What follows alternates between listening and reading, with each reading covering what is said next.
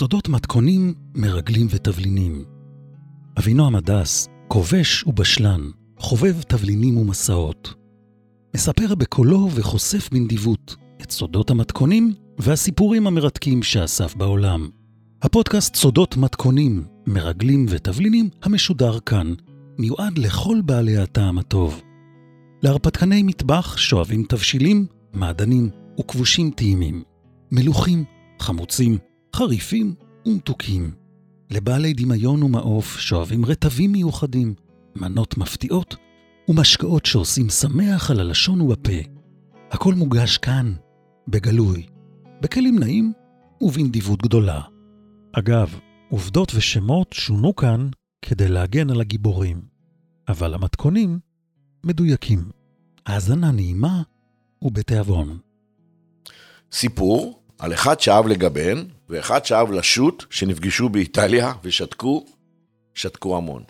פעם, בתחילת שנות האלפיים, יצא שניצלתי נסיעה אחת לחו"ל במסגרת העבודה שלי כיועץ תקשורת, כדי לבצע פעילות נוספת, שנייה, הרבה פחות פומבית, מהראשונה. תכננתי ככה שהנסיעה הזאת לאיטליה תאפשר לי בדרך חזרה מנוחה של שלושה ימים בחוף הים.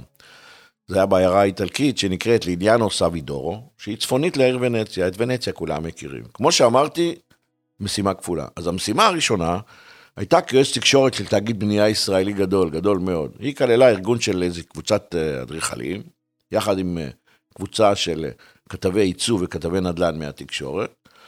סחבתי אותם בכוח, נסעתי איתם לסיור היכרות במפעל גדול לערכי קרמיקה, בעיר בולוניה, באיטליה, כפי שאתם יודעים, איפשהו בצפון המדינה. ניצלתי את המשימה הראשונה הזאת, למעשה כסוג של כיסוי למשימה השנייה, הרבה פחות גלויה. המשימה השנייה, ואני מגלה לכם סוד קטן, הייתה צמודה לראשונה והייתה אמורה בכלל לכלול, בסך הכל, נסיעה קצרה לעיר אחרת, פגישה עם איזה פלוני, איסוף של איזה חבילה קטנה של מסמכים, אולי צילומים, וצ'או צ'או, חוזר לבולוניה, לקבוצה, ואף אחד לא מרגיש שנסעתי, ואף אחד לא מרגיש שחזרתי. אוקיי, בסדר. כבר עשיתי ג'ובים כאלה בשביל ביטחון המדינה המון. בשבילי זה כבר היה כמו לעשות מילואים. זו הייתה שארית שנותרה לי מהימים ששירתתי ביחידת הקישור לאו"ם, מין יחידה מוזרה כזאת של המודיעין הצה"לי. אני לא שואל יותר מדי שאלות, הם לא מספרים לי יותר מדי תשובות, הם מבקשים, אני בא. עושה כמו מילואים. נוסע, פוגש מישהו, מקבל חבילה. לפעמים פוחד, בדרך כלל לא, חוזר, מוסר, תודה רבה ושלום, הכל בשושו ובהתנדבות. ככה זה כשאתה מתחיל, קשה לך להפסיק. העבודה הזאת, לימדו אותי, זה כמו פאזל. כל אחד משלים איזה חלק קטן. ביחד זה יוצר תמונה מלאה שלמה. זה מודיעין. פרטים קטנים שמשלימים תמונה מלאה.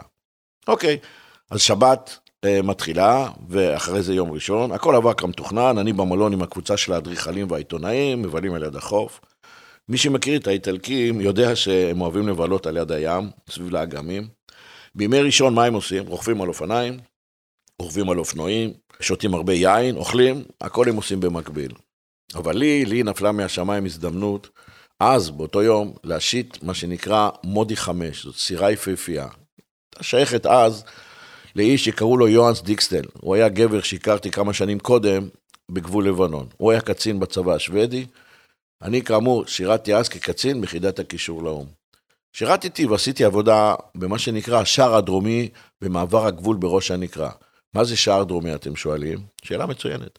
השער הדרומי היה הכניסה לישראל מלבנון. דרך השער הזה עברו בעיקר קציני האו"ם ששירתו בסוריה, שירתו בלבנון, אבל המשפחות שלהם התגוררו בישראל, בדרך כלל בנהריה. אז אני והשוודי הכרנו, התיידדנו ונפגשנו הרבה. האיש הזה היה נכס אמיתי, משפחה מאוד מאוד טובה, בן אדם גבוה, מקור מידע מצוין, כי הוא היה איש עם זיכרון פנטסטי, עיניים מאוד חדות, אוזניים כרויות, היה איש חכם.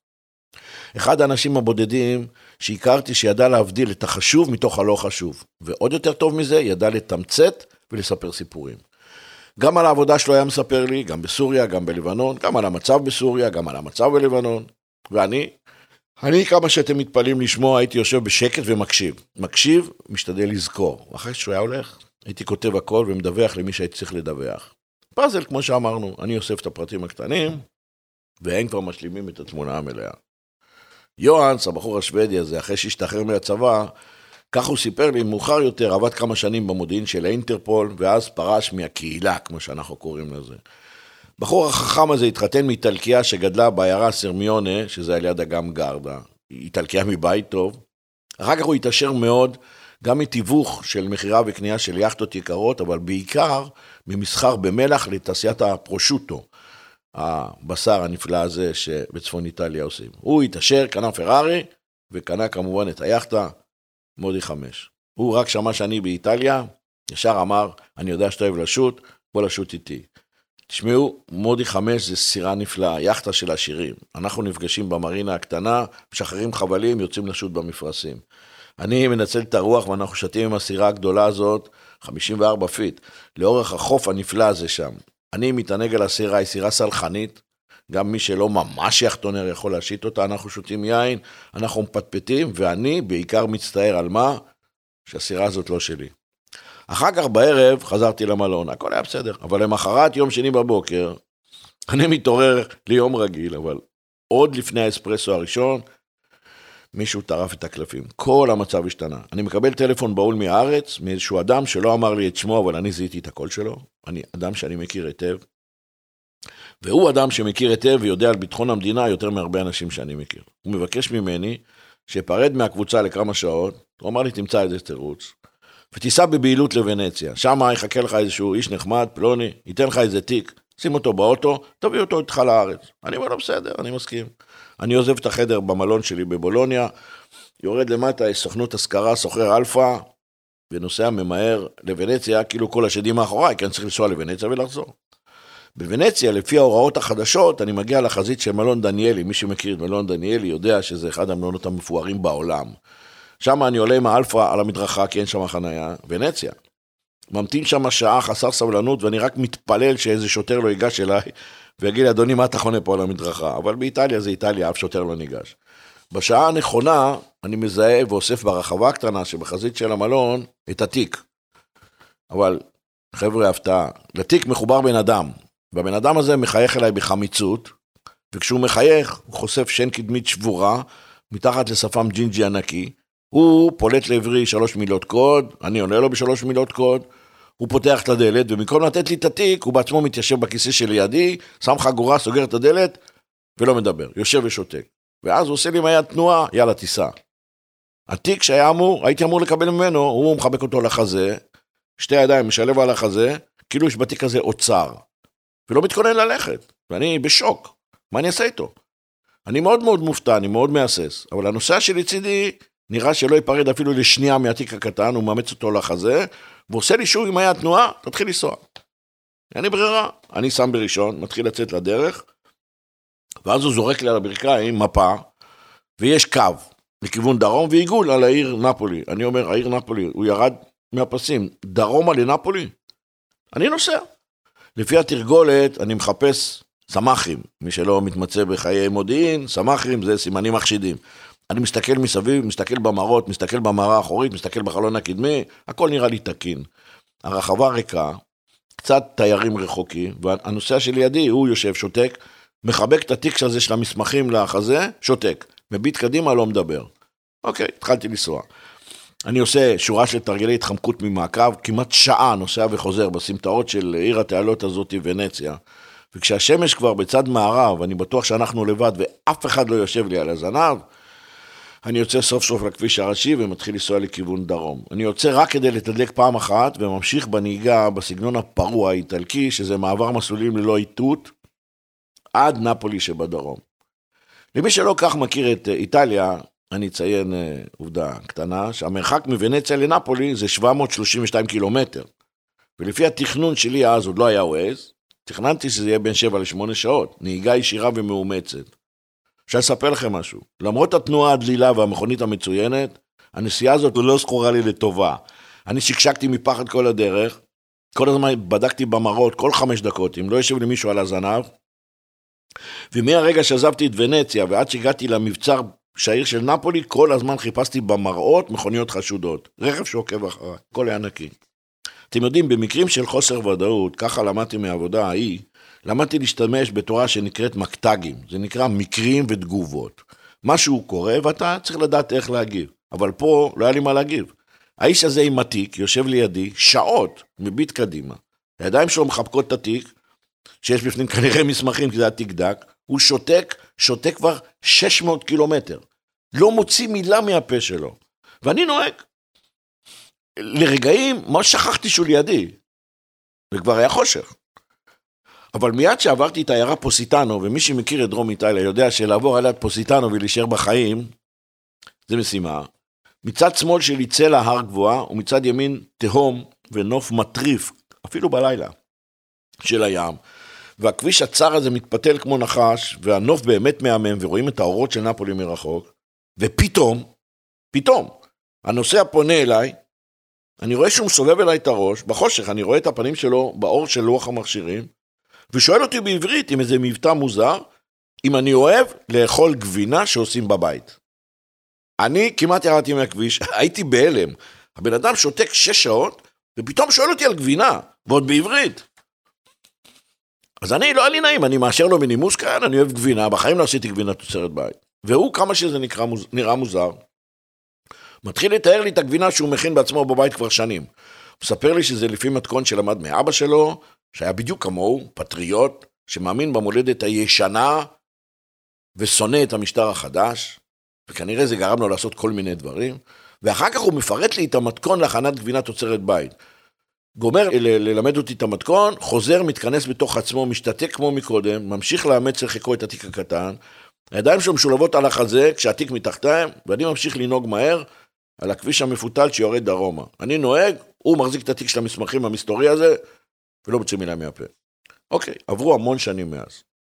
היום בבוקר עם האספרסו הראשון, לא יודע למה, משום מה, נזכרתי בנסיעה ההיא ובלילה ההוא מוונציה לנפולי ובתיק המסתורי הזה שחיבק אל החזה. מהזיכרון, הלכתי למקרר, הוצאתי חלב והכנתי את הגבינה שהג'ינג'י ההוא לימד אותי לעשות לפני המון המון שנים. מזגתי שני ליטר מים לתוך סיר, חיממתי על האש עד שזה בא לפני רתיחה, הוספתי שבע כפות של מיץ לימון, שבע כפות חומץ, שתי כפות שטוחות מלח, ערבבתי את זה טוב, כמו שצריך, הרתחתי ובישלתי עוד רבע שעה על אש קטנה. היה לי הרבה סבלנות. כשהחלב מתגבן, העברתי אותו לבד גיוון, למין חיתול, שהנחתי על מסננת, הגרתי את מי הגבינה האחורים, ולפי ההוראות של הנושא ההוא, השתקן, זוכרים אותו? ליפפתי את הבב חזק חזק מסביב עצמו את הבד, הנחתי על זה, איזה צלחת הפוכה כמשקולת, מילאתי סיר מים, שמתי על זה, והמתנתי בסבלנות. שש שעות, כמו הנסיעה ההיא, אחרי שש שעות, הסרתי את המשקולת, חילצתי את חריץ הגבינה מהבד, אני הופך ומגלה שהחלק התחתון קיבל את הצורה של הבד, והגבינה יפהפייה, מוצקה ונפלאה. אוקיי, חברים, לפי ההוראות של הנושא הלילי שלי מאז, אני מטפטף מעט שמן זית על הגבינה, וגם את המיץ הנפלא שהיגרתי מעגבניה חתוכה שהומלכה והונחה במסננת על קערה קטנה. ואז אני בוצע לי משולש מהגבינה, ואוכל לאט. הגבינה באמת נפלאה על הלשון. וכשהגבינה בפה, אני נזכר שכשהנושא המסתורי הזה יצא מהמכונית שלי בנפולי אז והתרחק לכיוון הנמל, כבר היה אור של דמדומים, ראיתי שהתיק הקטן עם המסמכים עדיין צמוד לו לחזה. הוא התרחק כמה צעדים מהאוטו, ואני מביט אחריו, פתאום הוא עוצר, מסתובב אליי, מחייך באיזה מין חיוך חמוץ, שחושף שן קדמית שבורה, ואז הוא מצדיע לי בשלוש אצבעות של יד ימין אל המצח, מפנה לי את הגב, וממשיך ללכת לכיוון האוניות שקשורות בנמל, כאילו אנחנו לא מכירים. אני זוכר שישבתי אז במכונית, פניתי ימינה ושוב ימינה, ובראש יש לי את המחשבה שעכשיו אני צריך לנהוג עוד שבע שעות, לחזור כל הדרך לבולוניה, רק השד יודע איזה תירוץ אני אסביר לקבוצה למה נעלמתי, ושואל את עצמי שתי שאלות. אחת, מה לכל הרוחות יש לו בתיק הזה, עם המסמכים, ושהוא מחבק את זה לחזה? זה אחד, שזה היה כל כך חשוב שאני אסיע גם אותו וגם אותם 730 קילומטר בלילה, מבולוניה עד נפולי ובחזרה, בלי לעצור. והשאלה השנייה, מה זה המבטא המוזר הזה שלו? היה לי הרושם שזה מבטא דרום אפריקאי, אבל לא הייתי בטוח. אוקיי. לידיעתכם, לפני כמה שנים, הוזמנתי למפגש ותיקים במתקן ההנצחה לחללי קהילת המודיעין בגלילות. פגשתי שם המון חברים, ישנים וחדשים. פתאום, בתוך כל הקהל הזה, ראיתי אדם שהזכיר לי מאוד את הנושא ההוא מאיטליה, הנושא של הגבינה. עכשיו, יש הרבה אנשים במתקן, אולם, אני ניגש אליו לאט לאט, מסתכל עליו מקרוב, ממש מקרוב, והוא היה נראה מופתע, האיש הזה, היה נראה מופתע מהקרבה שלי, עמדתי ממש קרוב אליו. ואז אמרתי לו, תגיד, בעברית, יכול להיות שאנחנו מכירים, יכול להיות שפעם, פעם, לפני המון שנים, לקחתי אותך בנסיעה מהירה מבולוניה, מוונציה לנפולי? הוא לא עונה לי כלום, שותק, מכמת את המצח, ואז מתחיל לנדנד בראש לצדדים לשלילה, ממש עושה תנועת שלילה חזקה, ולא מוציא מילה. ואז הוא מכמת למטה גם את השפתיים שלו בספקנות כזאת, שותק, לא מדבר. וככל שהוא פחות מדבר, ככה יותר אני מזהה אותו. אני מביט בו, אבל לא מצליח לזהות את הפנים שלו, כי כל הדרך, אני איבדתי קדימה והוא יושב לצידי, לא ראיתי את הפרצוף שלו. אז אני שואל אותו שוב, תגיד, לא יכול להיות שנסענו פעם ביחד. והוא שוב מנדנד עם הראש שלו ולא מוציא מילה מהפה, אז מה אני עושה? אני מוותר. מרים את הגבות שלי, אני אומר לו, כנראה אני טועה.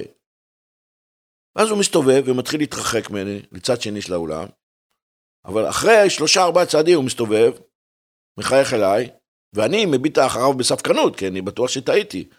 ואז הוא מחייך בחמיצות, חיוך שמגלה שאין קדמית שבורה, מתחת לשפם שלו, ומצדיע לי בשלוש אצבעות אל המצח, ונעלם בין האנשים.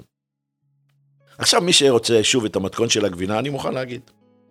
מבשלים בסיר שני ליטר, חלב של שלושה אחוז, תבחשו עם כף עץ, תוסיפו לפני הרתיחה שבע כפות מיץ לימון טרי, שבע כפות חומץ, יכול להיות חומץ רגיל, חומץ תפוחים, אני עושה את זה עם חומץ אורז, שתי כפות של מלח גס, בוחש כמו שצריך, מבשל אחרי רתיחה על אש קטנה עשר דקות, מעביר לחיתול, מלפף, מניח מעל מסננת, מניח צלחת שתלחץ על כל שטח הגבינה עם משקולת, מגיר את המים, מייבש אחרי זה יומיים. אחר כך משחררים מהבד, מטפטפים קצת שמן זית ורסק מעגבניה, או מיץ מעגבניה, אוכלים ונהנים מכל ביס. תודה על ההקשבה.